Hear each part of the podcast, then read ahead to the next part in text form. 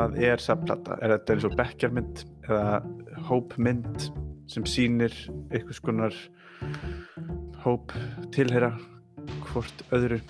Hún stóð vaktina og bak við búðarborðir í yfir halva öld og rósabúntinn sem fóru út í fangi ástfangina viðskiptavina voru eflaust í þúsundatali.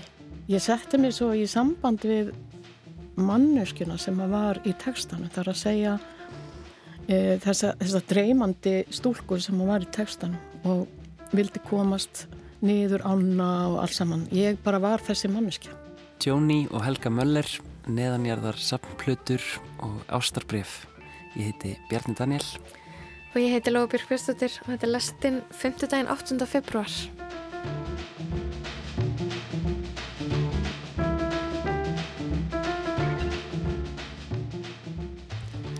Það líður senn að Valentínusardeginum, degi elskenda og setna í þættinum í dag fáum við pistil frá Guðrúnu Ulfarsdóttur. Hún er að velta fyrir sér ástinni á einhvern nátt en líka fyrirmerkjum og múminálunum. Meirum það hérna á eftir. Eh, svo ætlum við líka að skoða nokkrar íslenskar grásrótar samflutur. Þetta er nýjasta áráttan mín. Ég er búin að vera grúska mikið í gömlum kassettum, spólum eh, frá 9. og 10. ártöknum Uh, og ég ætla að deila með ykkur svona ykkur af því sem ég hef verið að finna hérna undanfarnar vikur. En við ætlum að byrja líka í músikinni en það ekki? Jú, við byrjum á því að fá ástsæla tónlistakonu í heimsókn til þess að ræða aðra ástsæla tónlistakonu. Er hófu báðar ferilsinn um, á sama hátt með kassagítar á kaffihúsum og börum. Einn á Íslandi, hinn í Kanada.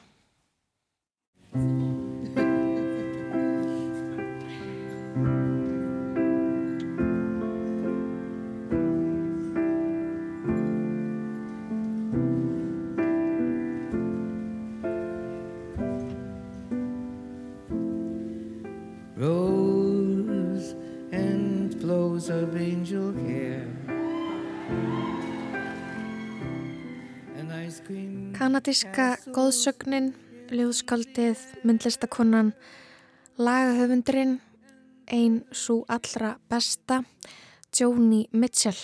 Hún hlaut Grammy-verlun á dögunum fyrir bestu fólkplötuna. And the Grammy goes to Joni Mitchell at Newport Live. Joni Mitchell!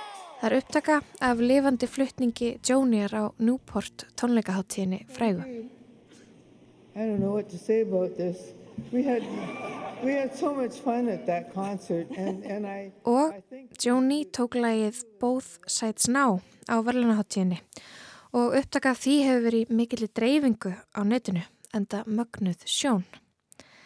Hinn áttræða Joni fætt árið 1943 uppalinn á sléttunum í Kanada fekk heilablóðfall árið 2015 og þurfti að læra að syngja upp á nýtt.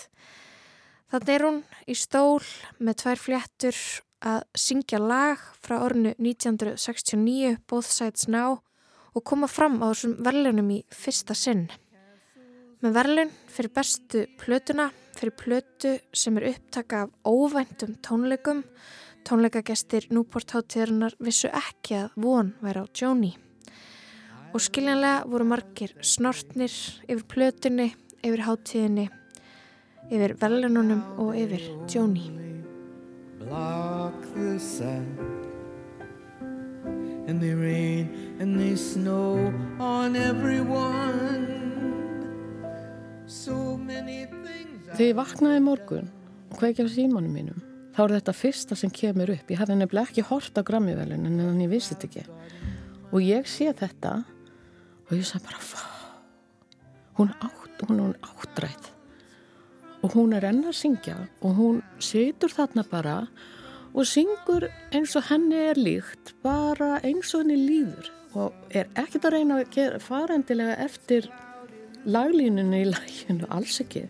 Heldur bara á sinn hátt 80 ára guðmur I really don't know clouds. I really don't know clouds at all.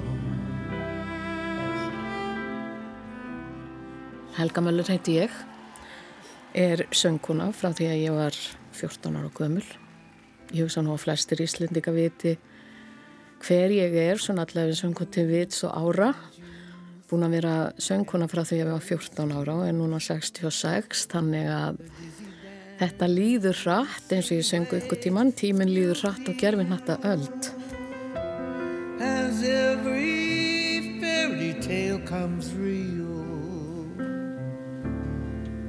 I've looked at love that way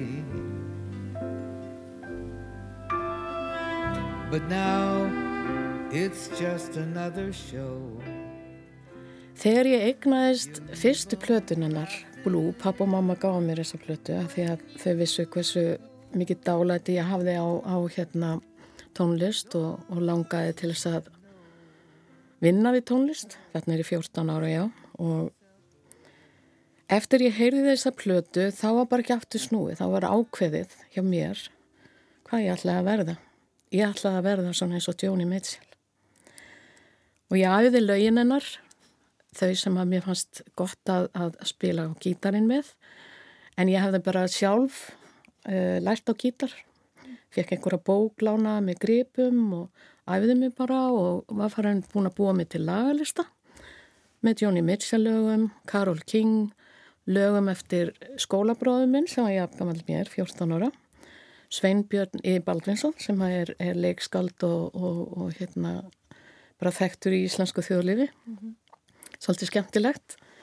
Og hann létt mig fá þrjú lög sem hann hafi gert og ég æði þau líka.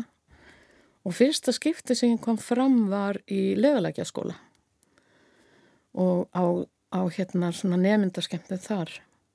Og spilaði þau Jóni? Ég spilaði Jóni Sko ég spilaði mest Jóni til að byrja með vegna þess að þú veist þessi lög Blue og River og, og það sem að ég mér fannst skemmtilegast að syngja var Blue og The Circle Game, River var eitt af þessum lögum sem ég bara oh.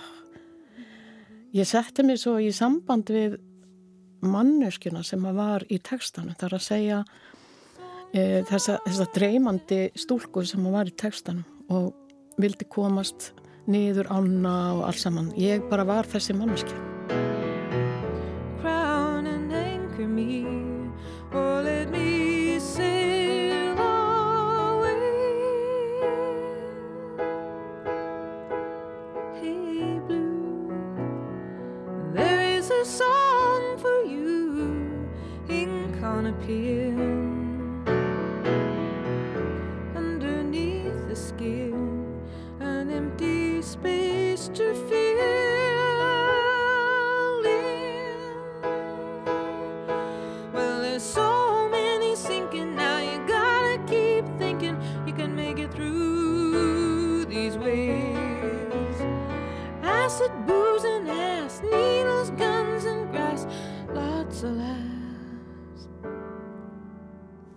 tala um að Jóni skrifar þessa texta hún svo ung og það er samt eins og hún hafi lifað svo lengi um, hún svo þroskað sína á lífið.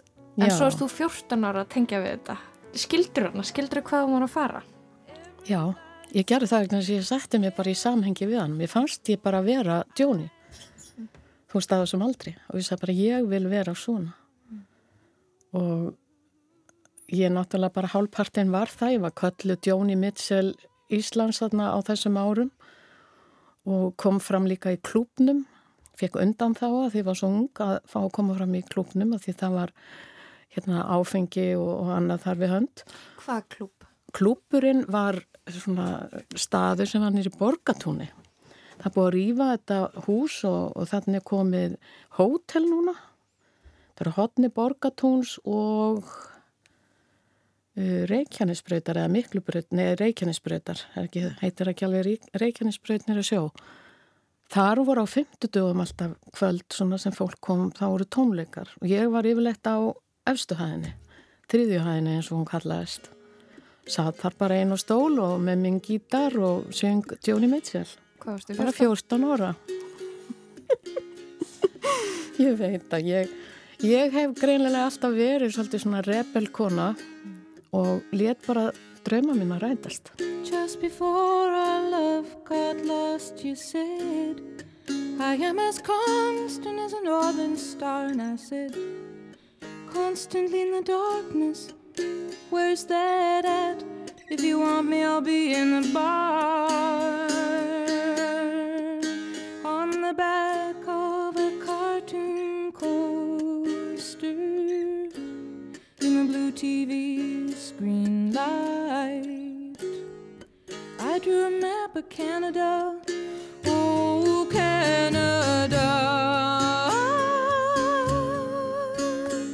With your face sketched on it twice.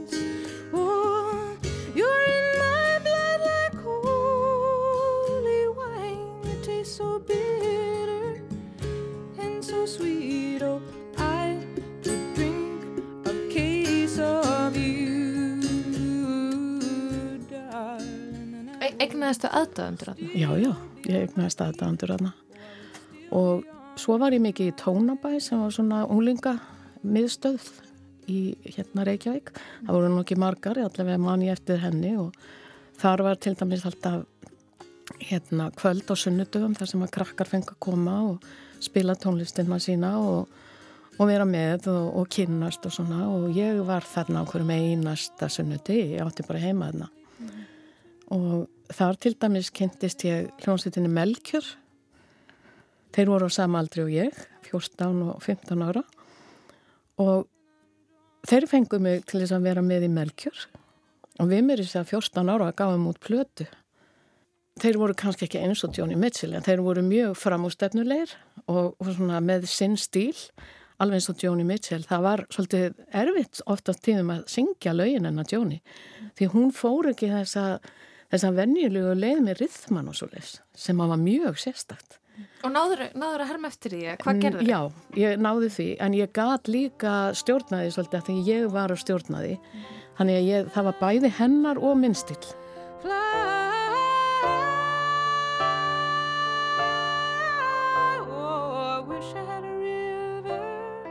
Hérna áður fyrir var ég alveg sóprann og, og hérna, mér fannst það ofsalega gaman að, að glíma einmitt við lögininnar því hún söng svo ofsalega hátt upp eins og til dæmis í, í River, þar fer hún alveg í hæstu hæðir.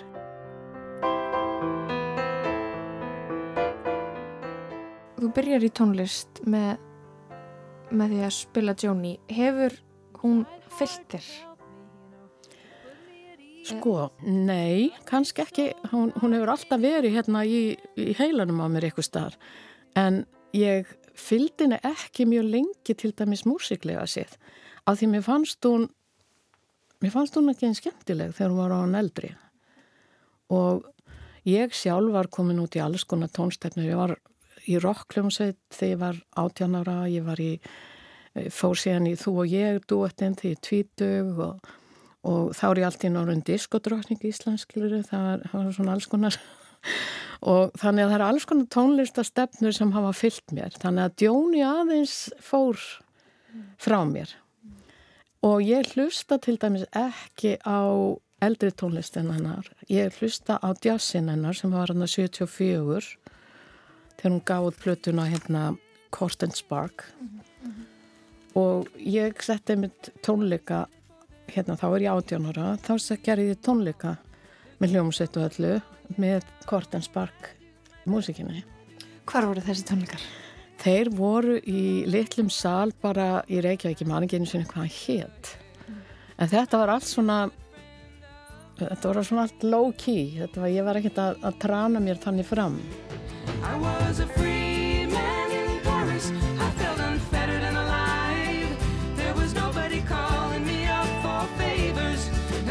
Future to decide. You know I go back there tomorrow, but for the work I've taken on, stoking the star maker machinery behind the popular song. Jón Ólafsson var með hérna að fingurum fram í salunum í Kópági ég var eins og einn gestur þar og þar söng ég til dæmis hérna lagið sem að ég elska Both Sides Now sem hún syngur einmitt þarna á Grammy-veljununum sem við ætlum að tala um á eftir og um, þetta er eiginlega svona eitt af mínum uppáhaldslögum og kannski líka þess að það er auðvelda, mjög auðveld að syngja þetta lag. Þetta er ekki alveg eins svona út úr kú miða við takt held eins og mörg önnulögarna hjá hann Þannig ég söng þetta í, í er, langt, hvað er langt síðan? Þetta var bara í fyrra. Já. Og þá vorum við að fara yfir ferilinn minn sko og bara hver er Helga Möller. Ummitt. Já. Og hvernig leiðir þarna, hvernig var að koma aftur að þessu eftir svona langan tíma? Fórst, í nostalgíu kast? Já. Ég gleymi því aldrei. Ég bara glemdi mér þarna á þessu tímabilum eða þarna í þessu lægi vegna þess að ég hugsaði bara, nú syngur þetta bara eins og gerði þegar þú varst lítil. Nú ert ekkert að reyna að herma eftir henni eða, eða, eða herma eftir einhverjum. Bara syngdu þetta og lokaðu augun. Og ég lokaði augunum. Ég glemdi mér að ég væri í sannum. Og Jón saði mitt við mig, vá Helga, þarna er uppbrunnin þinn og þarna er, er þú í rauninni? Og eftir að maður búin að segja, segja þetta við mig, þá áttaði ég mig á því að ég er ekki neinn diskotrókning. Ég er þessi 70s manneskja sem að elska þessa tónlist. Með kassagítarinn Með kassagítarinn, og síðahárið. og- Já, tears and fears and feeling proud to say I love you right out loud. Dreams and schemes and circus crowds. I've looked at life that way. But now friends are acting strange. They shake their heads, they say I've changed. Og það er það sem að mér finnst sem betur fer konu til dæmis á Íslandi og bara í heiminum vera farnar átt að segja og þá er ekki endilega að tala um tólistafólk heldur bara þú veist eins og ég er bara einn gráhærð og, og mér finnst það bara allt í lægi og, og finnst bara töff að vera gráhærð en þá eru svo margir sem hugsa að ég verð svo, svo gömul að sjá það fyrir algjörlega sko eftir hvernig þú ert líka Þú veist, ertu gömul inn í þér eða ertu, ertu unglega í anda eða hvað? Hvernig viltu vera? Vertu bara eins og þú vilt vera.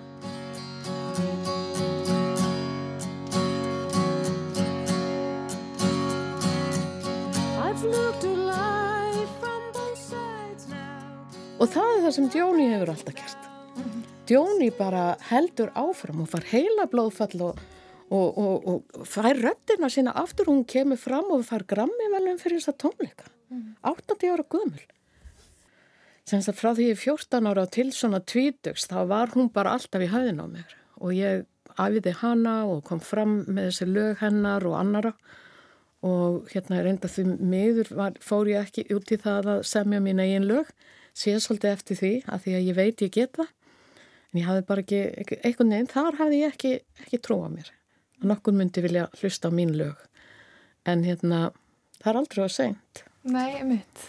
þú veist, ég get alveg að búa til lög núna. Hvernig lög langar það að gera? Sko, ég myndi vilja gera svona plötu, ekkert ósvipað eins og Jóni Mitchell gerði um, í svona róleri kantinum, þar sem ég syng freka neðalega, en kannski kem líka með lög sem syng ofalega, sem að bara sýnir hver ég er í dag. Veist, að vera kvöldu diskodrókningi, ég geri oft hérna, grína því að vera 66 ára gömul diskodrókning. Það, fólk vil líka hlæja og það er meiningin með því. Að, en ég segi svo alltaf í restina, einu sinni diskodrókning, alltaf diskodrókning. En diskodrókningin í mér er svo sem að var búin til þegar ég var tvítug og hefur fyllt mér fram til dagsins í dag. Ég er að fara að syngja bara til dæmis núna, ekki morgun heldur hinn, þessi diskolög. Ok. Ég fertug samali ungsmann sem að elskar duettinn þú og ég og, og elskar mig og vil að ég komi í diskoparti til hans sem er ammalið hans og syngi þessi lög. Og það er bara heiður fyrir mig. En það segir mér að til dæmis eins og hennar Jóni sem að ennþann dag í dag er bara, hlusta allir á þetta. Allir sem að þekktu Jóni þegar þau voru ung þau hlusta á þetta ennþann dag í dag. Og unga fólki eins og til dæmis hérna á Íslandi það er nýbúið að vera tónleikar sem að Jón Ólússon var með á samt þremi söngkonu, ég fór einmitt á þetta á þetta tónleika, þau voru í salnum. Og þar var verið að svona tribute fyrir Jóni Mitchell þarna eru einhverjar upptökur til að þeirra syngja Joni? Mm, nei, það held ég ekki. Nei, því miður. Því miður. Já, á þessum tíma þá, sko eins og þegar ég var að, að, að hérna, kynnast lögin, lögunum en að fyrst áðurinn eignaðis plötuna, þá hlustaði ég á lög unga fólksins í útvarpinu á Rúf eða Ráseitt og beigð eftir því að kæmi lag og var svo bara tilbúin til þess að taka upp á segulband. Það var leiðin mín til þess að kynna stónlistinni. Ég var bara með sko svona lítið útastæki, ekkert, ekkert stórst útastæki og tók þetta upp í gegnum það. Mm. Satt svo bara og, og ég æfði mig þannig að, að ég hérna blokkaraði klósetti svolítið oft eða baðherbyggið og það var náttúrulega ekkert mjög vinsalt í fjölskylduna. Ég var alltaf einn á baði að syngja og spila gítarin. Þannig ég varði að finna mér aðra leið. Og hún var svo að ég hafi fengið blikruslafötu í jólagjöf frá ömmu minni. Mm. og ég veist að það er öruglega góður hljómur inn í blikri ruslafötunni stilti bókastabla upp á, á skrifborum mitt, satt svona eins og ég sitt núna með gítarin og söng inn í blikruslafötuna fekk æðislegt samt That I recall I really don't know love. Langar það ekki smá eftir að hafa horta á þetta? Að jú. bara jú, jú, jú, jú. rifið upp gamla takta? Já. Það væri það. En allir, allir nokkur kæmi? Ég veit það ekki. Eflust einhverjir. Eflust einhverjir. Helga Möller, takk helga fyrir komuna í listina, takk fyrir að tala við mig um Jóni takk fyrir komuna já, takk, takk fyrir mig I don't know love at all. Tears and fears and feeling proud to say I love you right out loud. Dreams and schemes and circus crowds. I've looked at life that way. But now are acting strange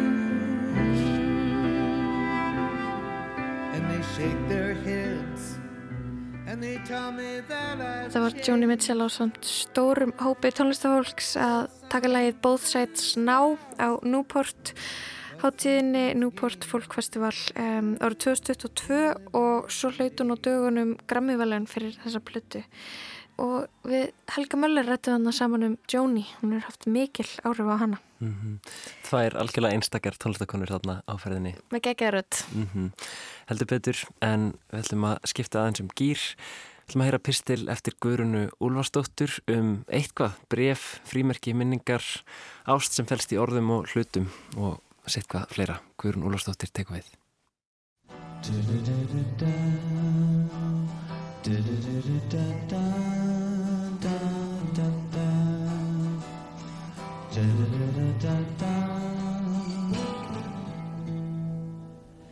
The hand that wrote this letter sweeps the pillow clean. So rest your head and read a treasured dream. I care for no one else but you. I tear my soul to cease the pain. I think maybe you feel the same. What can we do? I'm not quite sure what we're supposed to do. So I've been writing just for you.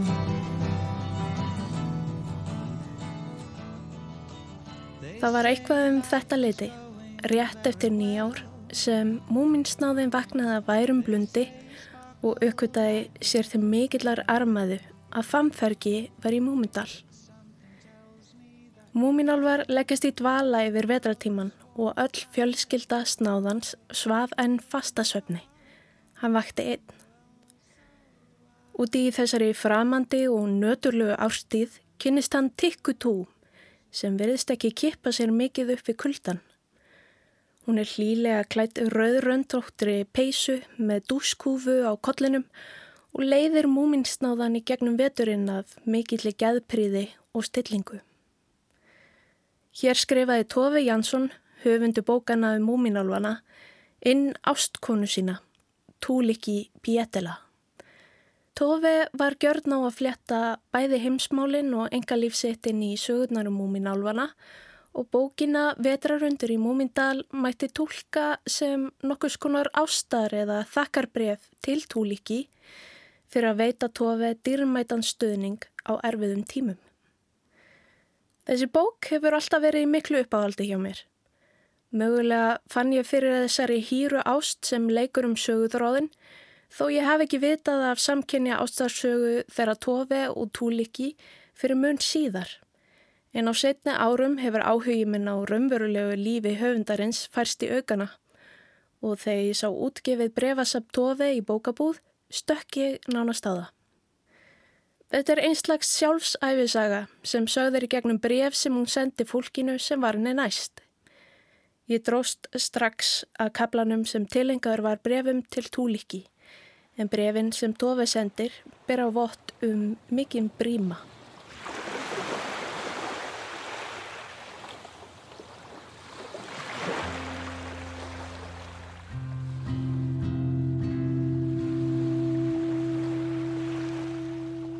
Er það ekki aðtiklisvert og sérlega dásamlegt að enn finnst ekki stakur skuggi á millokkar?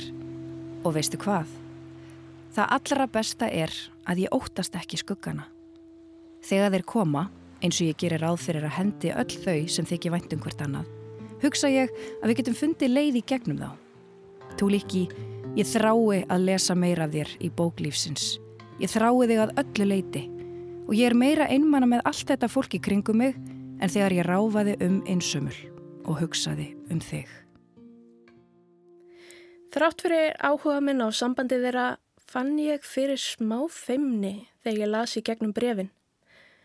Á tímum samfélagsmiðla eru ofinberar ástarjátningar nánast á hverju strái en það fylgir því annars konar andi að lesa handskrifu bref, sérstaklega innileg ástabref eins og fóra á milli tofi og túliki. Hvernig ætla það hafi verið að fara í gegnum papirina og skoða litlu fígururnar sem tofið teiknað á spásíðurnar? Í miðjum þessum vangaveltum grunaði mig ekki að mín byði lítill brefakassi á skrifstofinni hans pappa. Hann hafði nýlega staðið að heljarina tiltækt og þá uppgötuðust ímsir glemdir gimsteinar og gamlar minningar sem byðu eftir því að einhver myndi vitja þeirra. Eitt þeirra var fyrirnemdu brefakassi. Ég spendist öll upp. Þau voru stíluð á ömmu mína í föðurætt, Stefáníu Runólfsdóttur, ömmu steppu. Ég var nýjórðin tíu ára þegar hún lést en við vorum alla tíu miklar vinkonur og deildum áhuga á útvarpi og síkildri tónlist. Amma og afi áttu alltaf miða á symfóníu tónleika í háskóla bíói og ég fylgdi í þeirra fótspor. Það skemmtilegasta sem ég ger í dag er að hlýða á góða tónleika í hörpu. Allar þessar minningar svömmluðu um í höfðin á mér og ég vissi ekki við hverju var að búa stúr brefakassanum og frestaði því að skoðan. Að lókum tók ég af skarið og opnaði kassan. Það var miðnætti. Þessi sérkennilegi tími á milli dags og nætur sem ég fannst henda fullkomlega fyrir þetta grúsk. Úti var lengt og ég sá í skín í ljósastörana að það var byrjað að snjóa. Fyrsta umslægið sem ég fiskaði upp úr kassanum var tómt. Það var frá blóma heldsölunni með tveimur trjónu krabbað frímerkum. Áraðanlega reikningur en amma rak lengi blómaverslun á horni lögavegs og snorabrautar. Þannig átt hún þátt í fjölda ástarbrifa sem reykvikingar hafa sendt sín á milli í gegnum tíðina. Hún stóð vaktina og bak við búðarborðir í yfir halva öld og rósabúntinn sem fóru út í fangi ástfangina viðskiptavina voru eflaust í þúsundatali. Næsta umslag var frá skáksambandinu. Brandugla leitt spekingslega á mig að frímerkinu. Það var líka tómt. Ég tók upp umslag eftir umslag í vonum að finna eitthvað, einhverja sögu, en öll voruðu tóm. Mónbreiðin heldust yfir mig og hverslags væntingar um æfintýrlega bref urðu að yngu. Sjáðu til, ágætti hlustandi, ég er komin af frímerkjasöfnurum. Það rifjast upp fyrir mér verkefni sem pappi fól mér þegar ég var eitthvað í kringum tíu ára gömul um sveipaleiti og amma steppa lest. Hann gaf mér heilu staplana af frímerkjum á sundurripnum umslögum, svo satt ég löngum stundum við borstofuborðið á æskuheimili mínu og bleitti frímerkjum varlega til að losa límið. Lagði þau svo til þurkunar, flokkaði eftir ártali og raðaði saminskusamlega í frímerkjasapsbók. Því komu sum frímerkin úr kassanum frá ömmu steppu mér kunnulega fyrir sjónir. Þar mátti sjá náttúruvætti eins og jökulsárgljúfur og dyrhóla í. Öll blóminn voru flokkuð saman, Bilgjan sendi ömmu frímerki með steindeplu og yðinarmannafélagið Reykjavík sendi túnfífil. Mér þótti merkilegt að sjá surtsega frímerki sem af poststimpla 1965 Nýja eigin því rétt árskömmul og strax var búið að gefa út frímerki henni til heiðurs. Frímerkin síndu listir og handverk. Ég sá útlaga Einars Jónssonar og Róðukross frá 14. öld. Þau heiðruðu líka starfstéttir, skáld og íslenskar byggingar. Þessar litlu myndir sem hófu sinn gang sem greiðslu kvittun á postburðagjaldi eru því orðin eins og nokkur skonar þverskurður af menningararfinum og í þeim fann amma steppa eitthvað sem hún vildi varvita. Þarna leynist ákveði grundvallar atriði söfnunar. Gárungar gætu átta til að reyta út úr sér að það væri nú meiri vittlesan að sanga að sér svona rusli. Hægt er að sapna hverju sem er. Hurðarhúnum, servettum, handsugum eða leikfangabílum og oft einhverju sem sumir líta á sem ómerkilega hluti. Söfnun snýst þó ekkert endilega um hlutin sjálfan og enn síður um ætlaðin notagildi hans eða verðmæti. Söfnun snýst um samband sapnarans við hlutin. Verði hlutur að sapgrip er hann þannig tekin úr samhengi hverstaksins. Hann verður hluti af sapni og uppspretta ánægju og stolt sapnarans. Í Múmindal býr einn ötull frímerkjasapnari. Hún svipar mikið til múminfjölskyldunar í útliti en er þó af hemúlskenni og gengur undir því nafni. Hemúlin er klættur fjólublári hempu og gengur eðala um með stækunarkler í hendi en það andum lífsins helstu smáadriði líkt og frímerki.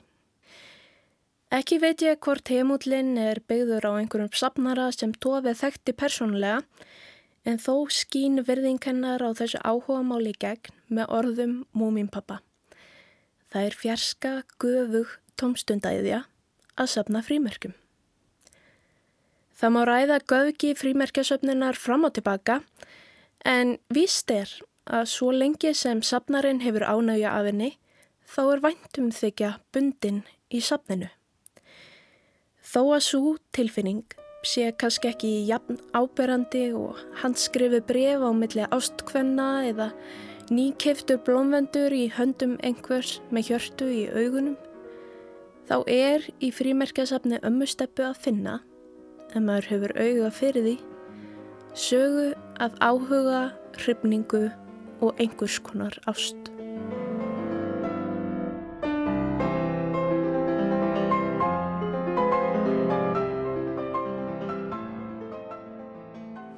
fenguð þarna pistil frá Guðrunu Úlfarsdóttur.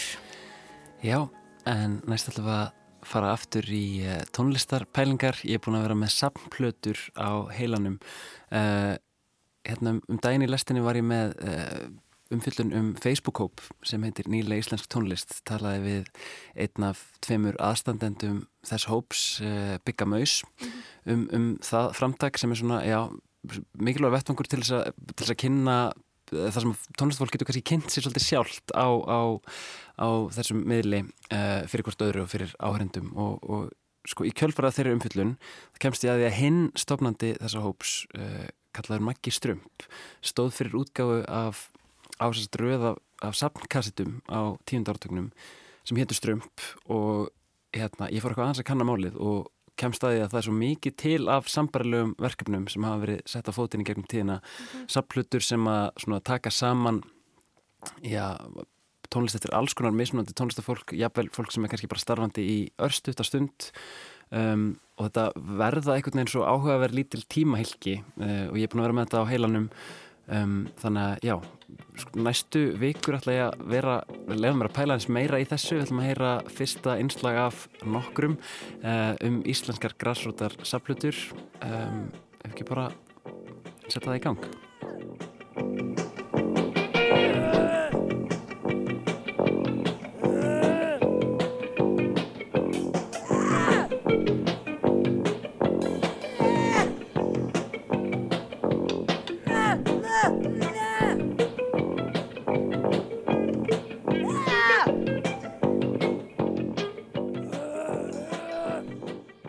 Hvað við að tala um þegar við tölum um tónlistarsinnur? Einföld uppfletting á Wikipedia skilar niðurstöðum sem skilgreina fyrirbærið nokkur með einn svona. Tónlistarsinnur eru staðbundin, sjálfstæð, tónlistarmiðuð, samfélög, tónlistarfólks og áhærenda þeirra. En það sem mætti kannski bæta við er að tónlistarsinnur eru gerðan bundnar í tíma, bundnar við tímabill og oft alls ekki svo langlívar. Og sumulegist er í staðrind að ungt fólk leikur jafnan leikil hlutverk í myndun og þróun tónlistasinna. Þegar við veltum fyrir okkur þróun tónlistasinnunar á Íslandi síðustu ár og áratugi eru nokkrir stólpar sem koma jafnan til sögu. Rocky Reykjavík senan svo nefnda er einn þeirra en hún kom fram á sjónasviðið í kringum upphaf nýjunda áratugurins og er kent við samnefnda heimildamind Fridriks Þórs Fridrikssonar frá 1982.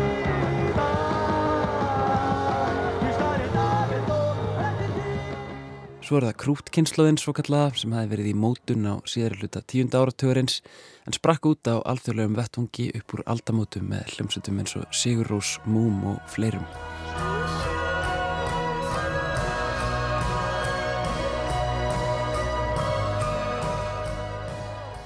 Í kringum 2010 er svo hægt að tala um ákveðna indie rock bylgu þegar mikill fjöldi hljómsuta tók stökkið út fyrir landsteinanna með ágættis árangri.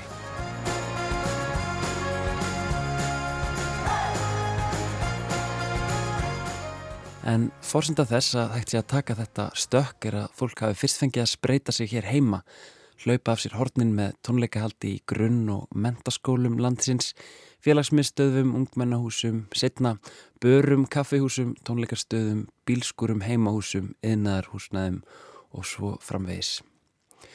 Og það er einmitt í þessum hráu rýmum sem grásrútin á heima, grásrútarsenan, neðanérðarsenan.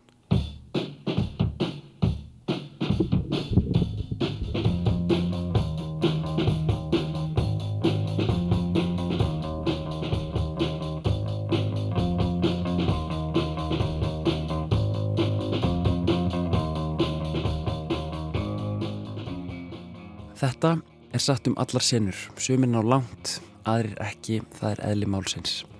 En árangur þeirra sem tekst að stíga upp úr litlum staðbundnum senum er ekki hægt að einangra. Það er ekki aðeins snilli einstaklingar sem er fórsenda árangurs því tónlist er ju alltaf og óhjákvæmilega afurð samfélagsins sem hún verður til í. Littlu böndin eiga því hlutað máli þegar við skoðum velgengni þeirra sem stærri eru. Hugmyndirnar sem liggja í loftinu hverju sinni smitast fólks á milli og fólk hefur áhrif hvort á annað lengt og ljóst í allar mögulegar áttir. Ennski tónlistamæðurinn Brian Eno hefur fjallað nokkuð um þessar hugmyndir og leggur til að við notum orðið Senius, orð sem vísar í skapandi greint samfélags eða senu, í stað Genius sem vísar í skapandi greint einstaklings eða snilli. I think although great new ideas are usually articulated by individuals, they're nearly always generated by communities. And I think what I what I see as the waste is the waste that we make of, of that possibility of cooperative intelligence. Um, being an artist, you hear a lot of talk about genius um, which is the process of singling out certain people in art history and saying those were the important ones, you know, Picasso, Rembrandt, Shostakovich, whatever. Whenever you look at any of those artists, you find that they, they lived and drew from a very, very active, flourishing cultural scene. And they were only one of the elements in that scene. All these people who are called genius actually sat in the middle of something that I call senius. Just as genius is the um, creative intelligence of an individual, senius is the creative intelligence of a community. Við getum rýnt í sögu jæðartónlistar á Íslandi undanfarna áratíu út frá útgefinni tónlist, upptökum, plötum, geisladiskum, spólum, stafrænum útgáfum og svo framvegis og svo framvegis, jafnvel kvikmyndum. En útgefin plata eftir eina hljómsveit eða jafnvel margar slíkar segja bara hluta af sögunni. Hvaðan koma hugmyndirnar sem við heyrum á plötunni? Hvað var þetta fólk að hlusta á? hvaða sveitir sáu meðlumir á tólingum þegar þeir voru unglingar, hvað þótti töff, hvað voru þeir að lesa, hverju voru pólitiska skoðunni þeirra, hvernig tengdust þau öðrum hljómsutum sem voru virkar á sama tíma vinaböndum. Hvernig getur við fengið víðari og heiðarleiri mynd af því hvernig tiltekinn sena leit út? Kanski komust við allavega örlíti nærði með því að skoða sapnplutur.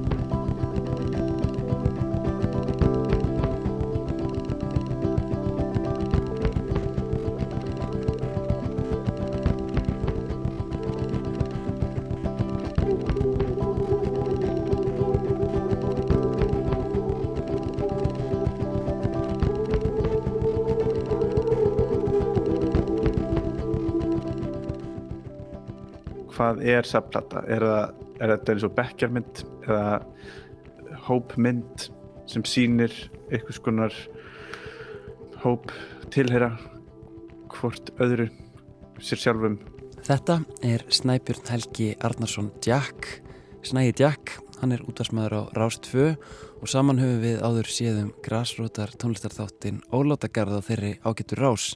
En við Snæði höfum líka unnið saman að öðrum verkefnum í gegnum tíðina meðal annars samflutugerð og útgáfu á vegum listasamlagsins póstreifingar sem við stopnum á samt nokkrum vinnum í lok árs 2017. Um, ég held að uh, mikið af því sem að drýfur okkur sem, sem manneskjur er náttúrulega bara að uh, þörfin á að tilhera. Við snægi veltum því fyrir okkur hvað vakti fyrir okkur þegar við byrjuðum að spá í að gefa út samflutur fyrir rúmum sex árum síðan. Þú ert að gera tónlist, þú ert einhvern veginn í uh, samfélagi, Vistu, ég hefði genið svona séð sko Rokki Reykjavík fyrir en að við vorum búin að gefa út þrjár sapplötur en, en það var bara þessi frum þörf, maður er að gera tónlist og maður kynist öðru fólki sem er líka að gera tónlist. Kannski þú veist í grunnskóla þá var ekki mikið af fólki að gera tónlist í kringum mig allavega og svona eiginlega ekki heldur í mentaskóla uppliðið mig þar sem svona býna einfara hvað þetta var þar allavega, ég var ekki MH um, og svo einhvern veginn að finna, finna hóp finna hérna tilher ég og geta uh, stilt sig upp í, í þessari hópmynd. Þegar fólk tekur sér til og setur saman samflötu geta leið allskynns kvatar að baki.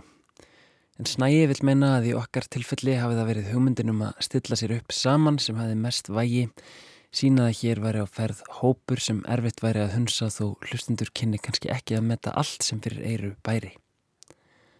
Þetta snúist ekki um að sapna saman því besta sem er í gangi hverju sinni, heldur gefa sanna og heiðarlega mynd af tónlistarsamfélagi eins og það stendur akkurat þá stundina. Þetta var bara uh, þessi hópur á þessum tíma, á þessum stað og það er einhvern veginn, einhver þörf til þess að uh, skilja eitthvað eftir sig eða í raun og veru setja einhvers konar mark á, á heiminn mm -hmm. um, og segja ég, ég tilheyri þið Einmitt. Þegar við byrjuðum með þetta þá, eins og segir, höfðu við engar beinar fyrirmyndir í þessu um, við höfum ekkert verið að skoða einhverjar gamlar íslenska saplutur og, og þú veist við vorum ekkert einhvern veginn að við vorum ekki að reyna að stimpla okkur inn í þessa hefð sem við síðan endum, endum með að óvart verða hluti af einhvern veginn. Um, en mér langar kannski að spyrja þig bara þú veist hver er heldur að fyrirmyndunar okkar hafið samt verið? Hvert voru að þú veist að því þetta þú veist eða sprettur þetta bara upp úr þurru? Eða þú veist hva, hvaðan kemur þessi hugmynd? Veistu hvað ég meina?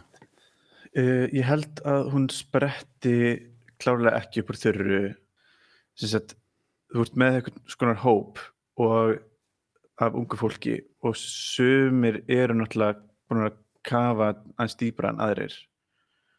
Og þarna og eru kannski með einhverja hugmynd og, uh, og einhverja svona fyrirmyndir sem að þau eru kannski ekki að deila með öllum. Eða, uh, þannig að, að ef einn segir við ættum að gefa saplötu og hugsaður þarna vegna þess að ég hef séð aðra hópa að gera saplötur að, að kannski þú veist eru allir bara í hópnum bara sammála það er góð hugmyndin, veit ekki kannski náttúrulega af hverju uh, viðkomandi stakk upp á hugmyndinni mm. um, og ég eða, þannig upplifi ég það allan og mér líður eins og það hafi verið svona fólk í þessum hóp sem að voru svona aðeins meiri um, segja, svona nördar í tónlist heldur en, heldur en ég sjálfur var mm. Og þú veist við erum öll með mismunandi samhengi. Og þannig að ég held að þú veist að þetta hafi verið bara svona uh, fáfræði á minni hálfu. Þó svo að við snægi höfum báðir átt erfitt með að benda á ákveðnar fyrirmyndir þegar komað samflutu gerð og höfum að mörguleiti verið frekar fáfröðir kakvart sögu neðanjara tónlistar á Íslandi á sínum tíma. Þá eru samt fordæmi til staðar í þessari sögu um mjög svo sambarileg verkefni. Nú ætlum við að kynnast einu slíku. Já, ég heiti Gunnar Lári Sjálfmansson, kallað Dr. Gunni, stjórnarformaður hjá Erðan og Músik.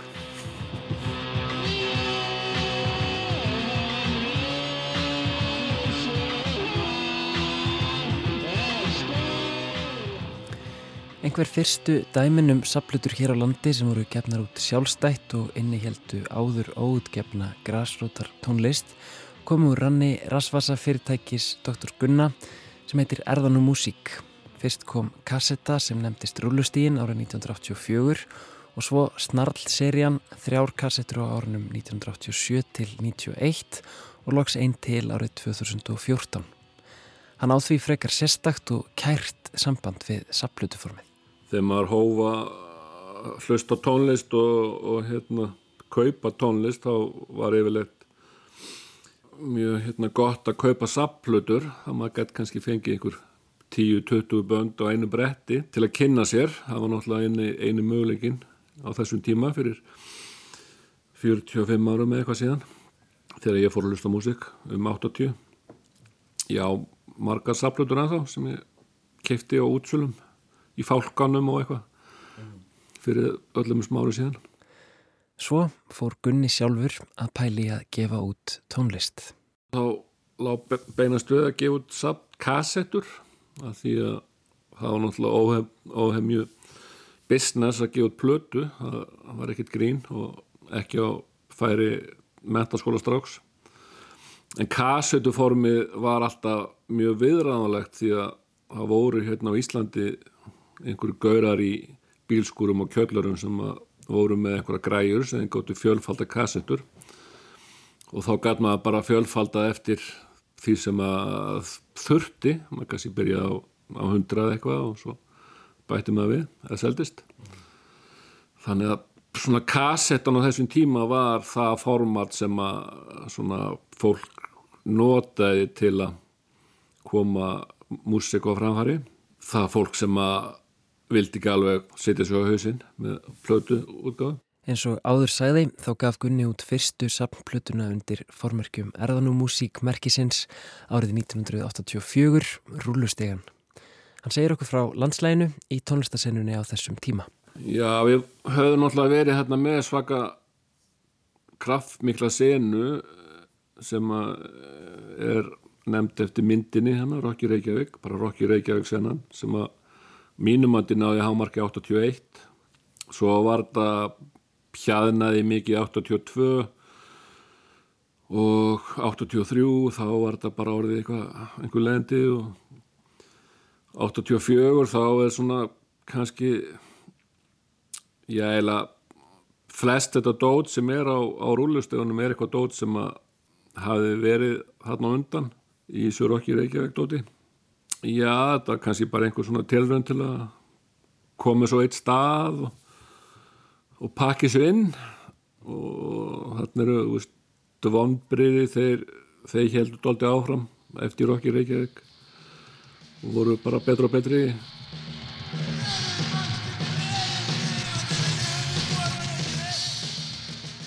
Van Houtens Kókó þeir voru hérna eiginlega hættir minnum mig. Þannig að þetta var svona gamalt efni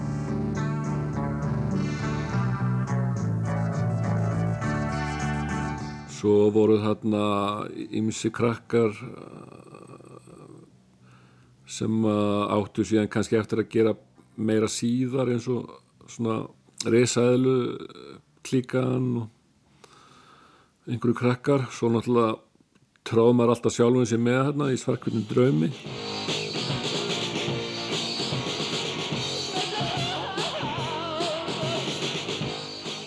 svo voru þarna Jó og Hakonum og Lói Pippus og Spói Sippus sem voru svona experimental syntabönd.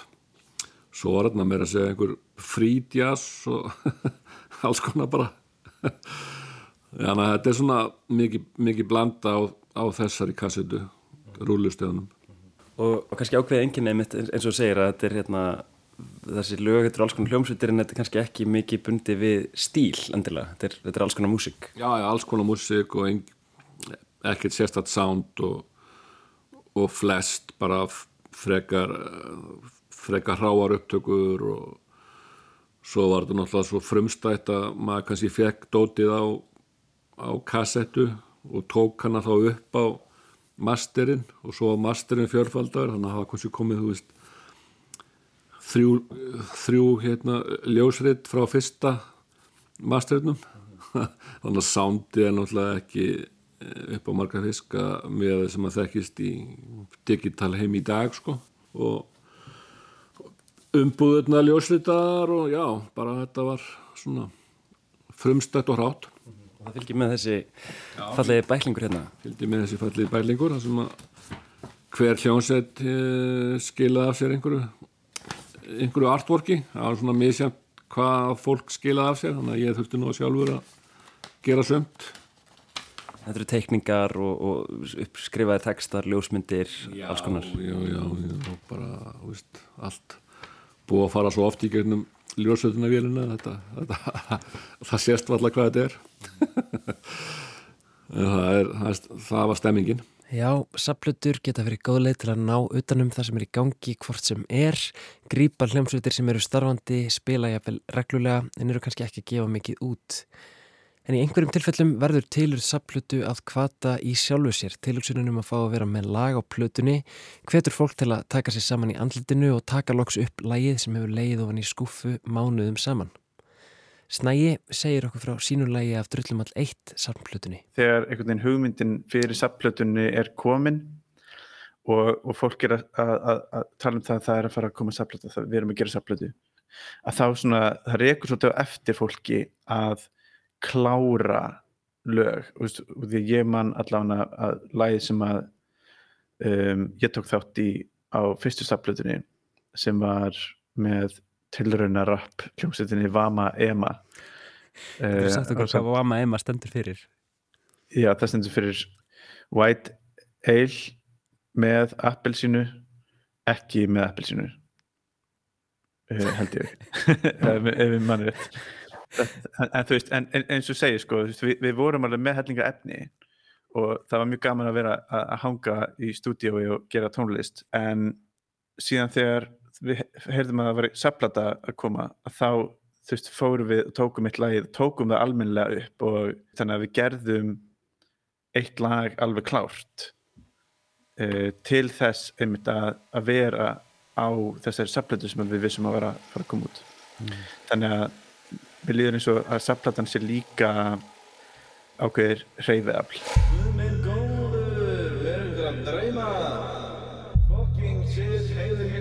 springa Ekki snerta mig þegar ég er að dansa. Ekki snerta mig, ég verður að fara Ég fokka þér í burtu frá mér. Ég vil að pyrra mig. Ég er ekki sattur Já, við ætlum að halda áfram að velta fyrir okkur íslenskum neðanjarðar sapplutum í nútíð og fortíð hér í lestinni á næstunni. Uh, Við ætlum að ræða við atvinnu og ástriðu tónlistagrúskara, útgefundur, tónlistafólk og pælara og hlustum við þetta á alls konar tónlist. Lestin er komin að leiðalögum í dag og þessa vikuna. Við bjarnum Daniel og lofa þökkum samvildina. Verðum minna næst á mánudag. Takk fyrir maður í dag var Lítið að Gretastóttir. Verið sæl.